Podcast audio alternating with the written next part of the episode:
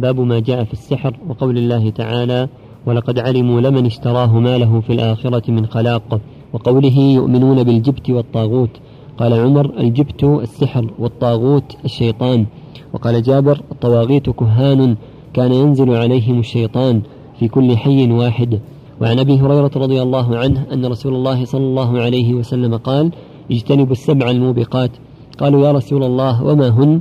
قال الشرك بالله والسحر وقتل النفس التي حرم الله إلا بالحق وأكل الربا وأكل مال اليتيم والتولي يوم الزحف وقذف المحصنات الغافلات المؤمنات. وعن جندب مرفوعا حد الساحر ضرب ضربه بالسيف. رواه الترمذي وقال الصحيح أنه موقوف. وفي صحيح البخاري عن بجالة بن عبدة قال كتب عمر بن الخطاب رضي الله عنه أن اقتلوا كل ساحر وساحرة. قال فقتلنا ثلاث سواحر. وصح عن حفصة رضي الله عنها أنها أمرت بقتل جارية لها سحرتها فقتلت وكذلك صح عن جندب قال أحمد عن ثلاثة من أصحاب النبي صلى الله عليه وسلم. يقول رحمه الله باب ما جاء في السحر يعني وأن له حقيقة وأن له وجود منه ما يقتل ومنه ما يمرض ومنه ما يفرق بين الرجل وأهله ومنه ما هو تخيل وسحر, وسحر, وسحر لأعين الناس كل هذا موجود قال الله تعالى ولقد علموا لمن اشتراه ما له في الخلق من خلاق. قبلها قوله تعالى واتبعوا ما تتلو الشياطين على ملك سليمان وما كفر سليمان ولكن الشياطين كفروا. يعلمون الناس السحر وما أنزل من الكلم بابل هاروت وماروت وما يعلمان من أحد حتى يقولا إنما نهتد فلا تكفر فيتعلمون منهما ما يفرقون به بين المرء وزوجه وما هم بضارين به من حد إلا بإذن الله ويتعلمون ما يضرهم ولا ينفعهم. ولقد علموا لمن اشتراه يعني اعتاضه ما له في ما له في الآخرة من خلاق يعني من حظ ولا أصل ولا بئس ما شروا به أنفسهم. لو كان يعني باعوا بها أنفسهم لو كانوا يعلمون. ولو أنهم آمنوا واتقوا لمثوبة من عند الله خير لو كانوا يعلمون. هذا يدل على أن السحر كفر وأنه ضد الإيمان وضد وضده التقوى. وأن من لقي الله بالسحر ليس عند الله ليس له عند الله من خلاق. وما ذاك إلا لأن السحر إنما يصار إليه بواسطة الشياطين وعبادتهم والتقرب إليهم بما يريدون من ذبح وغيره. ولهذا قال تعالى واتبعوا ما تتلو الشياطين على ملك سليمان وما كفر سليمان ولكن الشياطين كفروا يعلمون الناس السحر قال تعالى من شر النفاثات في العقد وهن السواحر ينفثن في العقد لما لما يريدون من تفريق من الرجل وأهله وغير ذلك. بإذن الله عز وجل كما قال تعالى وما هم بضارين به من احد إلا بإذن الله. يعني إذن الله كوني قدري لا الشرعي. إذن الله كوني قدري. وقوله ما يعلمان من أحد. حتى يقول انما انه فلا تكفر. يدل على أنه كفر وأنه ضد ضد الإسلام. فيتعلمون منه ما يفرقون به بين المرء وزوجه فيه أنهما أن السحره يحصل منهم التفريق بين الرجل وأهله. بأسباب كثيرة يعملونها حتى تقبح صورة الرجل في نظر المرأة أو حتى تقبح صورة المرأة في نظر الرجل وبأشياء أخرى. كما قال تعالى فلما ألقوا سحروا اعين الناس واسترهبوهم وجاءوا بسحر عظيم. فأخبر أن سحرهم استرهب أعين الناس. سحروا أعين الناس واسترهبوهم صار الناس ينظرون أشياء غير ما هي عليه. مثل ما قال جل وعلا في سورة الشعراء. قال فلما ألقوا فإذا حبالهم وعصي يخيل إليه من السحر منها تسعى. صارت الحبال والعصي كأنها حيات تسعى. كل هذا من التخييل. لهذا قال يخيل إليه من سحرهم أنها تسعى. قال سحروا أعين الناس. ثم قال بعده واسترهبوهم وجاءوا بسحر عظيم. دل على أنه سحر عظيم إنهم سحر عظيم أيضا ومنهم ما يفعله بعض الناس الآن يأخذ في يده شيء يراها الناس دجاجة أو يراها الناس كذا عصفور أو يراها كذا وهو لا حقيقة له كل تخيل.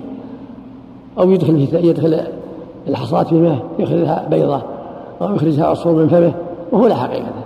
كل من باب سهر أعين الناس من باب التخييل. ومنه ما ما يكون حقيقة من نفس العقد والأدوية اللي يفعلونها حتى يحصل البغضاء بين الرجل وأهله. ولهذا فيتعلمون ما يفرق بين المرء وزوجه ومن التوله وهي الصرف والعطف. فالسحر له فالسحر قسمان. قسم له حقيقة وله وجود بواسطة الأدوية والعقد والنفس وغير ذلك وقسم تخييل. يسحرون أعين الناس كما أخبر الله عن سحرة فرعون. فإذا حبالهم يخيل إليهم أنها تسعى ولسحروا أعين الناس. وقال جل وعلا ألم تر إلى أوتوا نصر الكتاب. يؤمن بالجبت يؤمن بالجبت والطاغوت الجبت قال عمر السحر والطاغوت الشيطان. وقال آخرون الجبت وهو الصنم وكل شيء لا خير فيه يقال له جبت. قال جابر رحمه الله الطواغيت وهان. كانوا في في كل حي واحد من أحياء العرب. وهم الكهان الذين يسرق لهم الشياطين السمع ويعلمونهم. يدعون علم الغيب ويتوسلون إلى ذلك بما يقع لهم من الشياطين الذين يسترقون السمع فيلقون في سمع الكاهن أو الساحر. ولهذا قال جابر رضي الله عنه الطواغيت كهان كان ينزل عليهم الشيطان في كل حي واحد يعني من استراق السمع حي كل حي يعني في كل قبيلة من قبائل العرب. يكون عندهم كهان والكهنه يدعون علم الغيب وقد يكون قد يكونوا سحرة وقد يكونوا مشعوذين ليس عندهم شيء. كالعرافين فإنهم قد يكونوا مشعوذين قد يكون عندهم شيء من السحر اللي تلقوه عن الشياطين. وفي ابي هريره يقول عليه الصلاة والسلام اجتنبوا السبع الموبقات يعني المهلكات. قلنا وما هن يا رسول الله؟ قال الشرك بالله والسحر. وقتل النفس التي حرم الله إلا بالحق وأكل الربا وأكل مال اليتيم والتولي يوم الزحف. وقذف المحصنات الغافلات المؤمنات متفق عليه. الشاهد من قوله السحر دل على أنه له وجود وله حقيقة. ولهذا قال اجتنبوا السبع الموبقات المهلكات أعظمها الشرك. ثم يليه السحر وهو من الشرك. لأن الشرك السحر لا يتوصل إليه إلا بعبادة الشياطين والتقرب إليهم بما يريدون فيقع في الشرك. وقتل النفس التي حرم الله إلا بالحق هذا من أعظم الكبائر والموبقات. واكل الربا من أقبح الموبقات وقتل المحصنات المؤمنات الغافلات المؤمنات كل هذا من سبع الموبقات. أكل الربا وأكل مال اليتيم كذلك من سبع الموبقات. فينبغي فالواجب الحذر. أعظمها الشرك بالله والسحر من الشرك. ثم قتل النفس الكبيرة الثالثة. وأكل الربا الكبيرة الرابعة. وأكل أكل مال اليتيم الخامسة.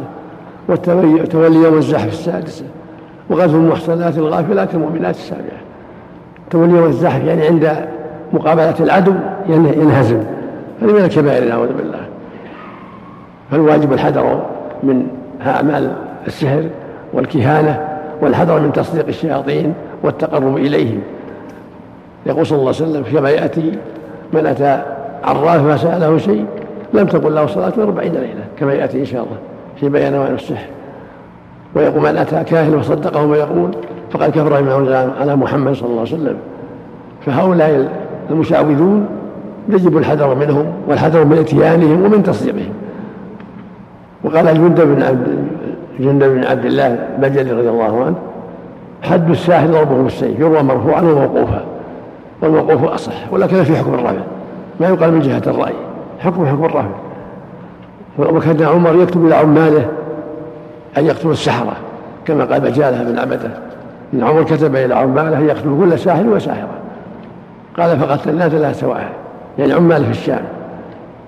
وقتلت حصة رضي الله عنها جارية لها سحرتها فبرت بها فقتلت. قال أحمد صح هذا عن ثلاثة من أصحاب النبي صلى الله عليه وسلم أنهم قتلوا الساحر جندب وحفصة وعمر. فدل على أن السحرة متى عرفوا وثبت سحرهم وجب قتلهم لأنهم لا, لا يتوبون في الغالب. ولو أظهروا التوبة لا يؤمنون لأن سحرهم خفي فلهذا يجب قتلهم. وإن صدقوا في التوبة فيما بينهم وبين الله صحت توبتهم فيما بينهم وبين الله. لكن في في الظاهر لا يقبل منهم. يجب أن يقتلوا متى عرفوا. كما أمر بقتلهم عمر رضي الله عنه وكما في حديث جندب وكما فعلت حفصة رضي الله عنها. لأن شرهم عظيم وفسادهم كبير عرفوا وجب قتلهم من غير استتابة. وإن تابوا فيما بينهم وبين الله وهم صادقون فالله يقبل توبة التائب حتى من الشرك الأكبر. وفق الله الجميع.